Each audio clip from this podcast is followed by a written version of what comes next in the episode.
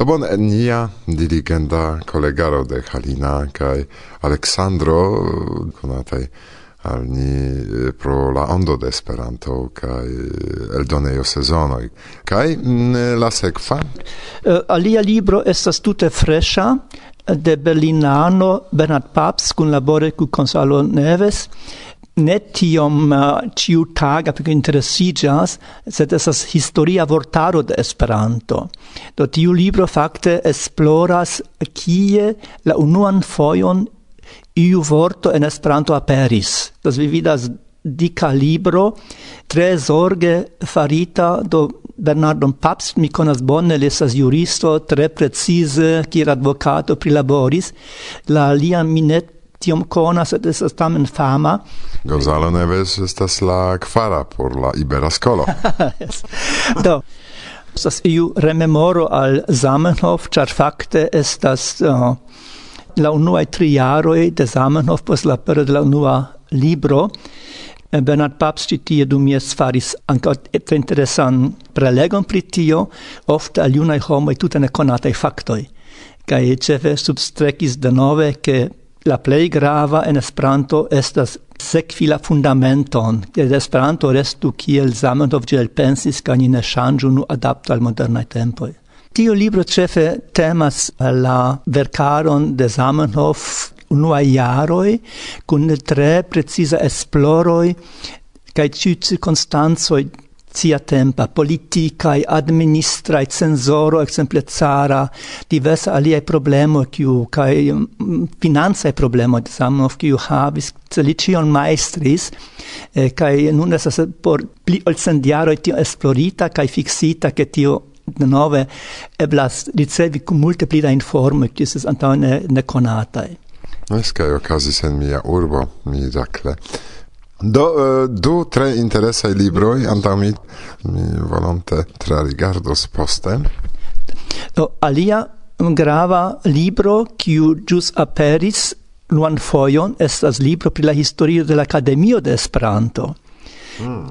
Kaj estas ancora vivanta eh, Carlo Minaja, li estas nu flanke profesie profesoro pri matematiko, sed ege bona literaturisto, kai membro de la Academia de Esperanto esploris multon kun aliaj kai la resulto estas tre moderna presento de la historio de la Akademio de Esperanto de la fondigio ĝis hodiaŭa tempo. Estas libro tre bel eldonita en Italio cadre de Itala Esperanto Federacio Kaj en ĝi estas mal maljunaj gis tre junaj, kil exemple mia sam urbano Kirilo Broŝ.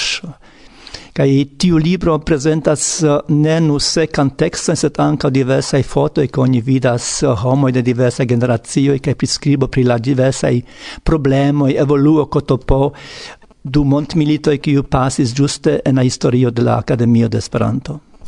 Tre interesse la akademio kai oni eh, ne multe scias pri la akademio fakte, ĉar eh, la akademio ĉiam estis malantaŭ iu muro de nescio. Do ni eh, rigardu, vi eble ne kredos, ke ĉirkaŭ mi dum aranĝo portita de Johana estas pli ol ducent, tricent libroj kaj kodoj kaj kaj diversaj aferoj kaj Johano, kiun faras multaj, libro servistoj ankaŭ disdonas sen senpage. Kial?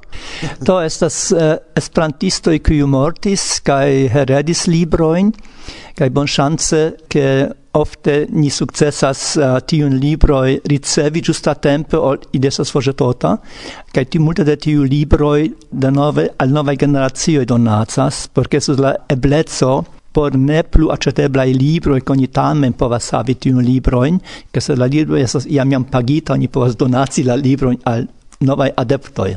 Sed vi povus gaini, ca esti riccia pro tio, ĉu ne? che vi havas libron ca vendas contra dec, dec vin eŭroj, ĉar restas trezora ca vi disdonas Do mi eh, sufiĉe bone salairas, do mi laboris en stata servo kai kun ciu jaro pli bone salaris kai potem mi havas bonan pension kai mi volonte disfastigas ke nova generazio legu tiu libro pri kiu antaŭe nu audis kai un la ofte ne havas multe da mono kai pro tio preferinde se oni la sama quanto da mono povus aĉeti aliaj libroj krom tiu donacitae. Same, Kun Johano ni renkontiĝos ankoraŭ, sed ne ĉio tuj. La provizora studio, kiu nuntempe troviĝas inter multaj libroj kaj ankaŭ kodoj, ĉar mi menciis, ke estas ne nur libroj, sed multaj aliaj esperantaĵoj ĉirkaŭ vinboteloj. Ajen vinboteloj, do eble ni prenu iun vinon kaj e, finu nian interparolon per distra vespero. Mm, la provizora studio inter libroj kaj vino parolis al vi Irek Johan Koran dankon al vi. Ne danke. Ĉu vi estas pretaj? Tri, du, unu, kaj la na na na la na na na na la na na na na na na na na na na la na na na la na na na na la na na na na na na na na la na na na la na na na na la na na na na na na na na na la na na na la na na na na la na na na na na na na Bone. Kaj vi povas paŝi kiel en bambo Donu la atenton nun, char jam estas via chans Venu al la dancaron, char venos nun la nana dans. Kun dancantojn trovu vi, inoin itchoin gravas ne. Prenu ties manon nun kai paŝu antauen Ĉu vi estas prete por la nana danco? Tri, du, la blanco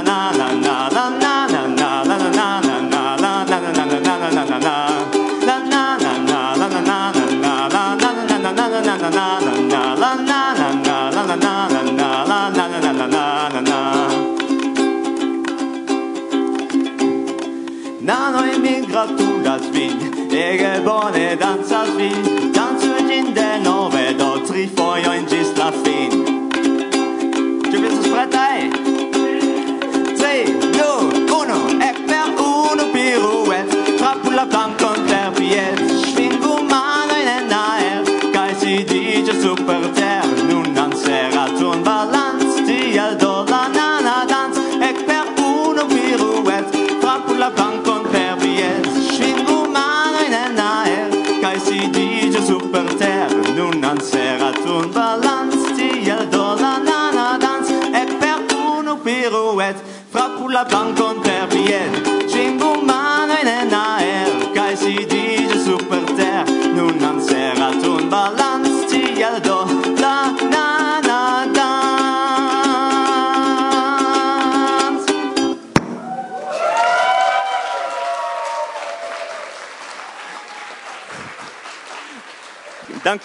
Ciu in nanoi, ege bone danzas vi.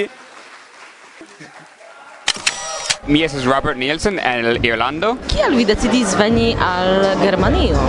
Oh, por la majose, yes, festo komponebla. Ĉu ne estis pli interesa in programo in eh, por pasigi novjaron? Oh, tute ne, tute ne nenio compare alies. Kaj kio vin plej impresis eh, dum tiu aranĝo? Oh, certe la homo, la, la mojosaj bonegaj amikoj ĉi tie. Mi plej ŝatis uh, ludi kartojn kaj drinkumi kun amikoj. Ĉu vi ŝatus saluti viajn amikojn aŭ tutan mondon? Jes do, estas tro multe da homoj por uh, diri la nomojn, sed simple ĉiuj kiu konas min, mi salutas vin, mi brakumas vin, mi ĝojas vidi vin kaj uh, baldaŭ. Mi perdis voĉon. Kial vi perdis voĉon? Ĉar mi tro multe kantis kaj dancis. mi ne scias, ĉu io aŭteblas.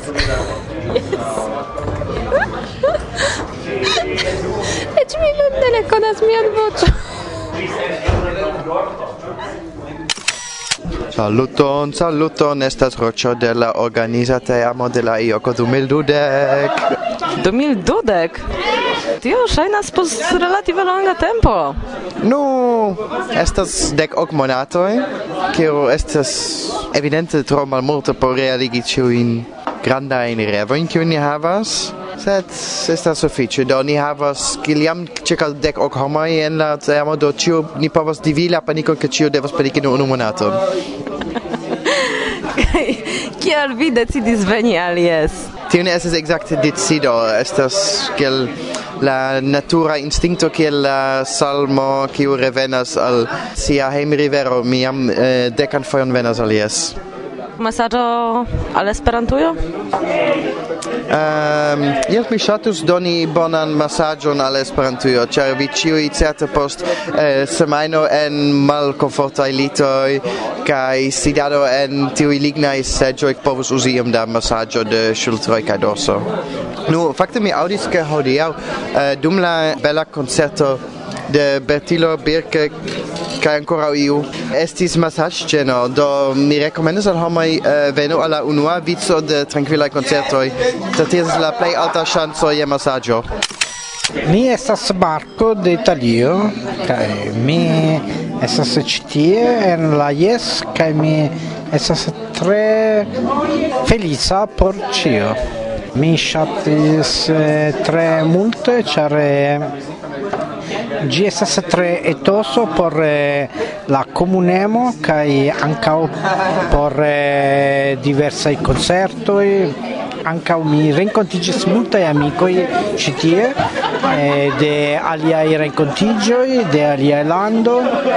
Mi estas tre felisa bla bla bla. Saluto, mi estas Sofi. Kaj kion vi faras ĉi tie? Kion mi faras? Nun mi aĉetas bieron. Mi mi volis aĉeti bieron, sed vi hazarde aperis al nenie. Bone, kaj kio plej impresis vin?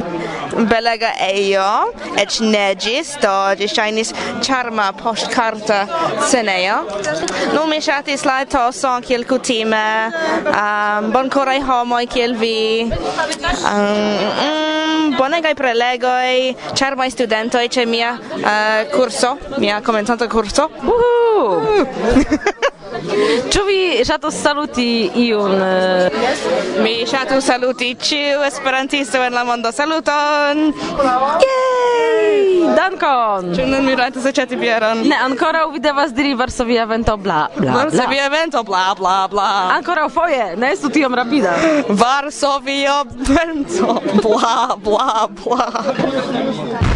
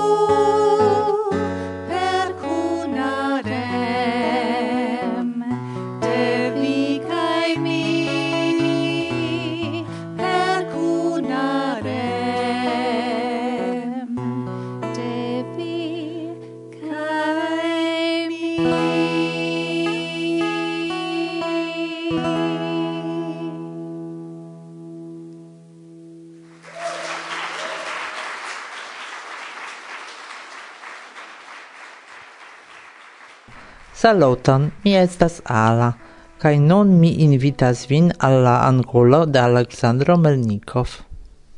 Do, hodiaŭ mi parolos pri tio, kion havas nur Esperanto.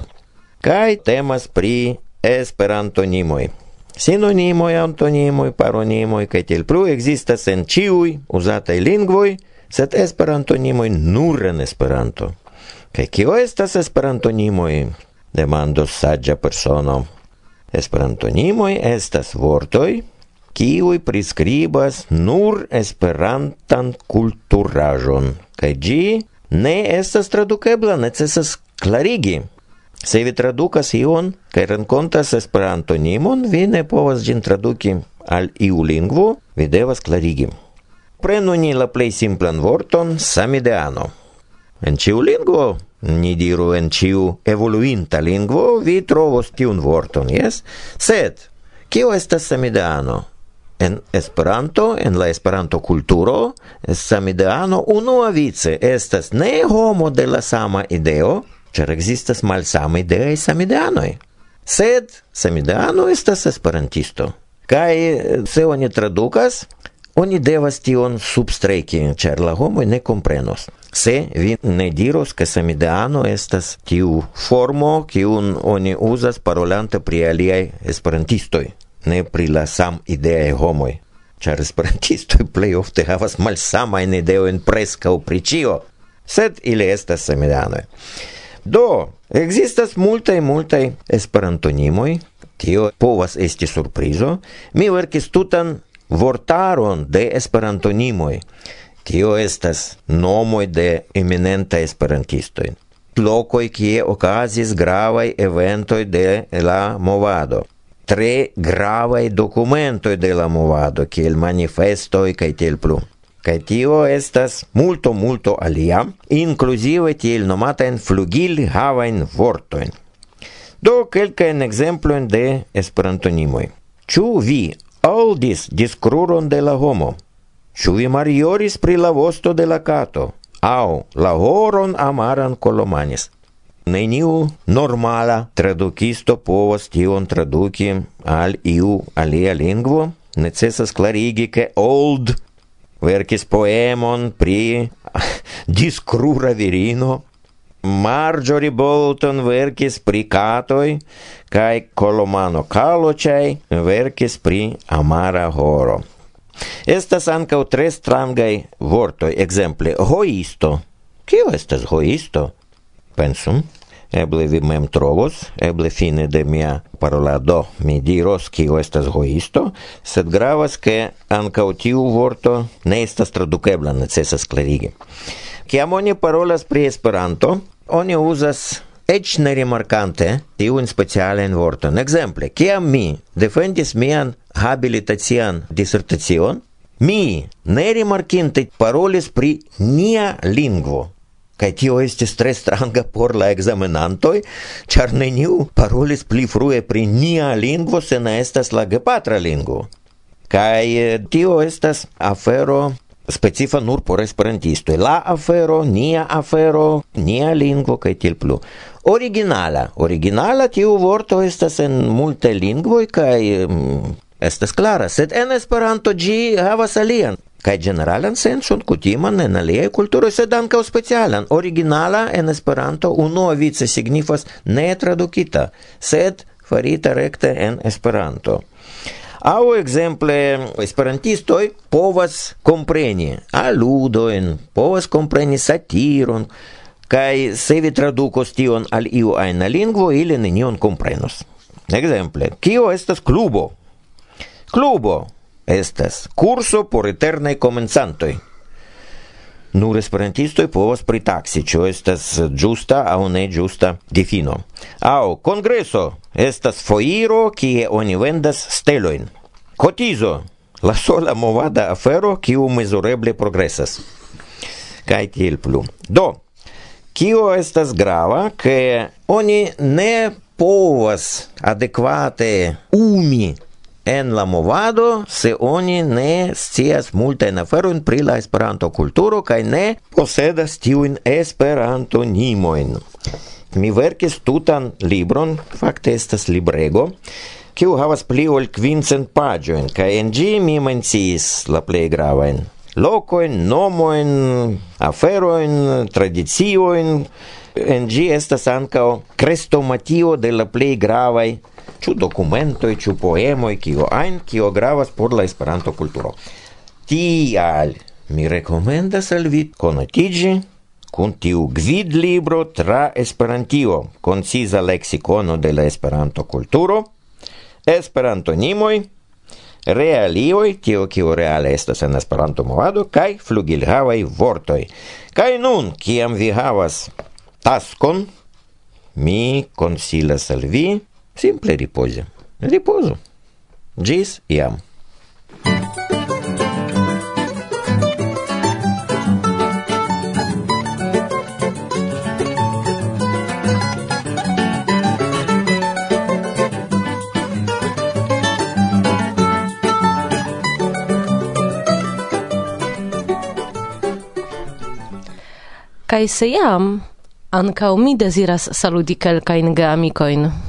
Mm, saluto.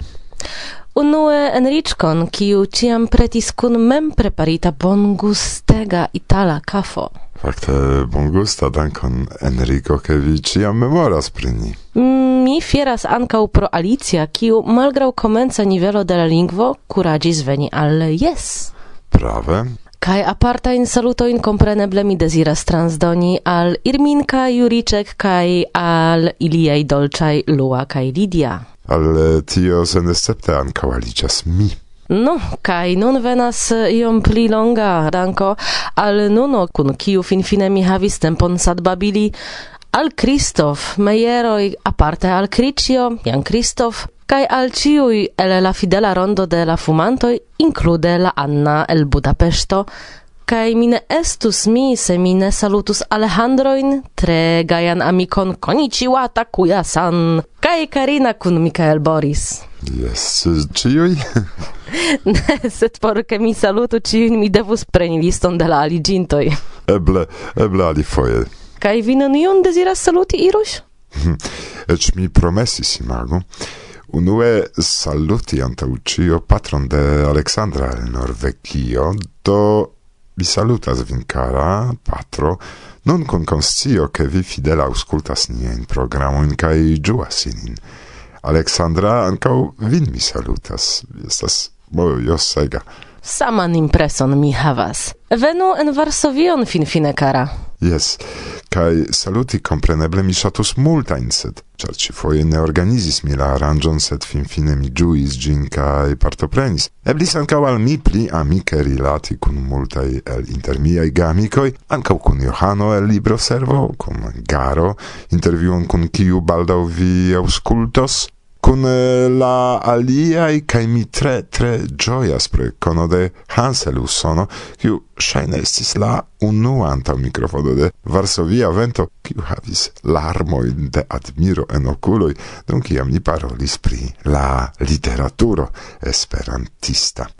Mi ne forgesas, eh, compreneble, pri vi ciui, carai auscultantoi, ancau pri kiel ciam charma Lena cae la Ezo, ancau pri geamicoi el rondo de la fumantoi, cae coran dankon al vi, Ronaldo, pro la invito alla cuna agado, cae ne nur. Ancau pro la cina tagmangio en Frankfurto. Aha, cae pro helpa kiri novan potfloron. Yes, mi vidas gin, cae gi vivas bele do la planto akompanas nun nian elsendan.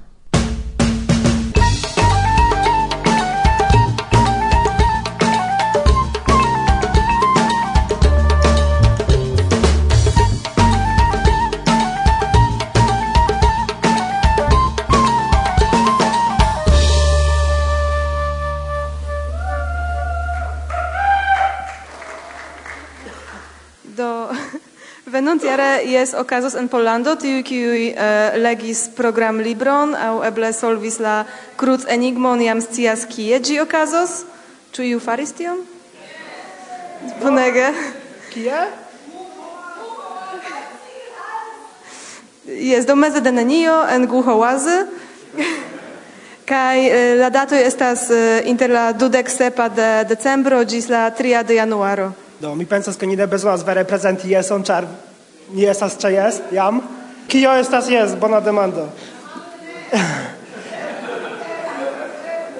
Do eble mi aldonos ke post kelkaj semajnoj aŭ monatoj du tri ni havos jam aliĝilon, ni havas lokon, do baldaŭ vi ricevos pli da informoj, eble en viaj retmesaĝoj aŭ per Facebook aliaj manieroj. Do ni invitas jam ĝis venontjare.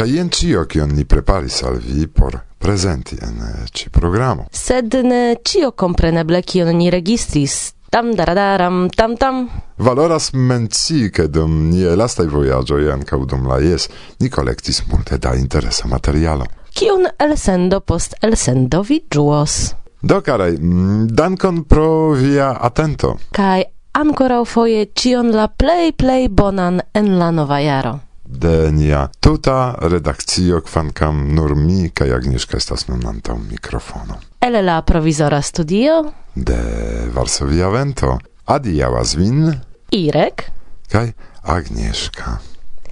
Dziś.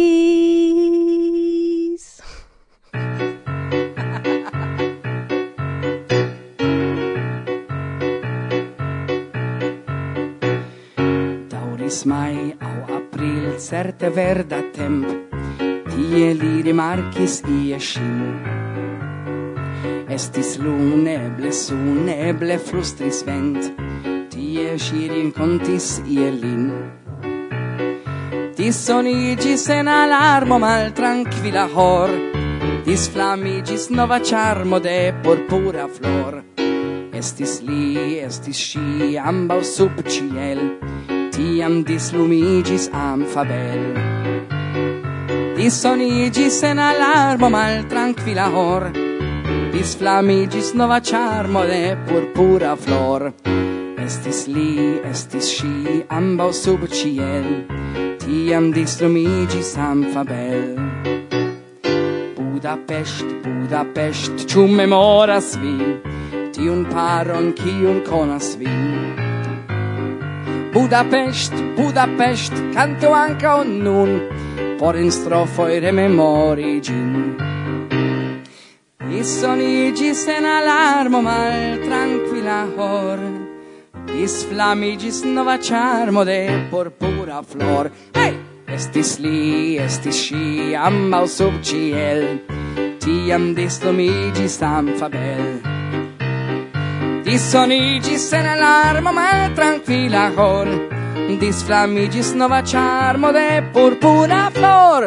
Estis li, estis si, ambau sub ciel Tiam dislumigis amfabel Tie dislumigis amfabel Tiam dislumigis amfabel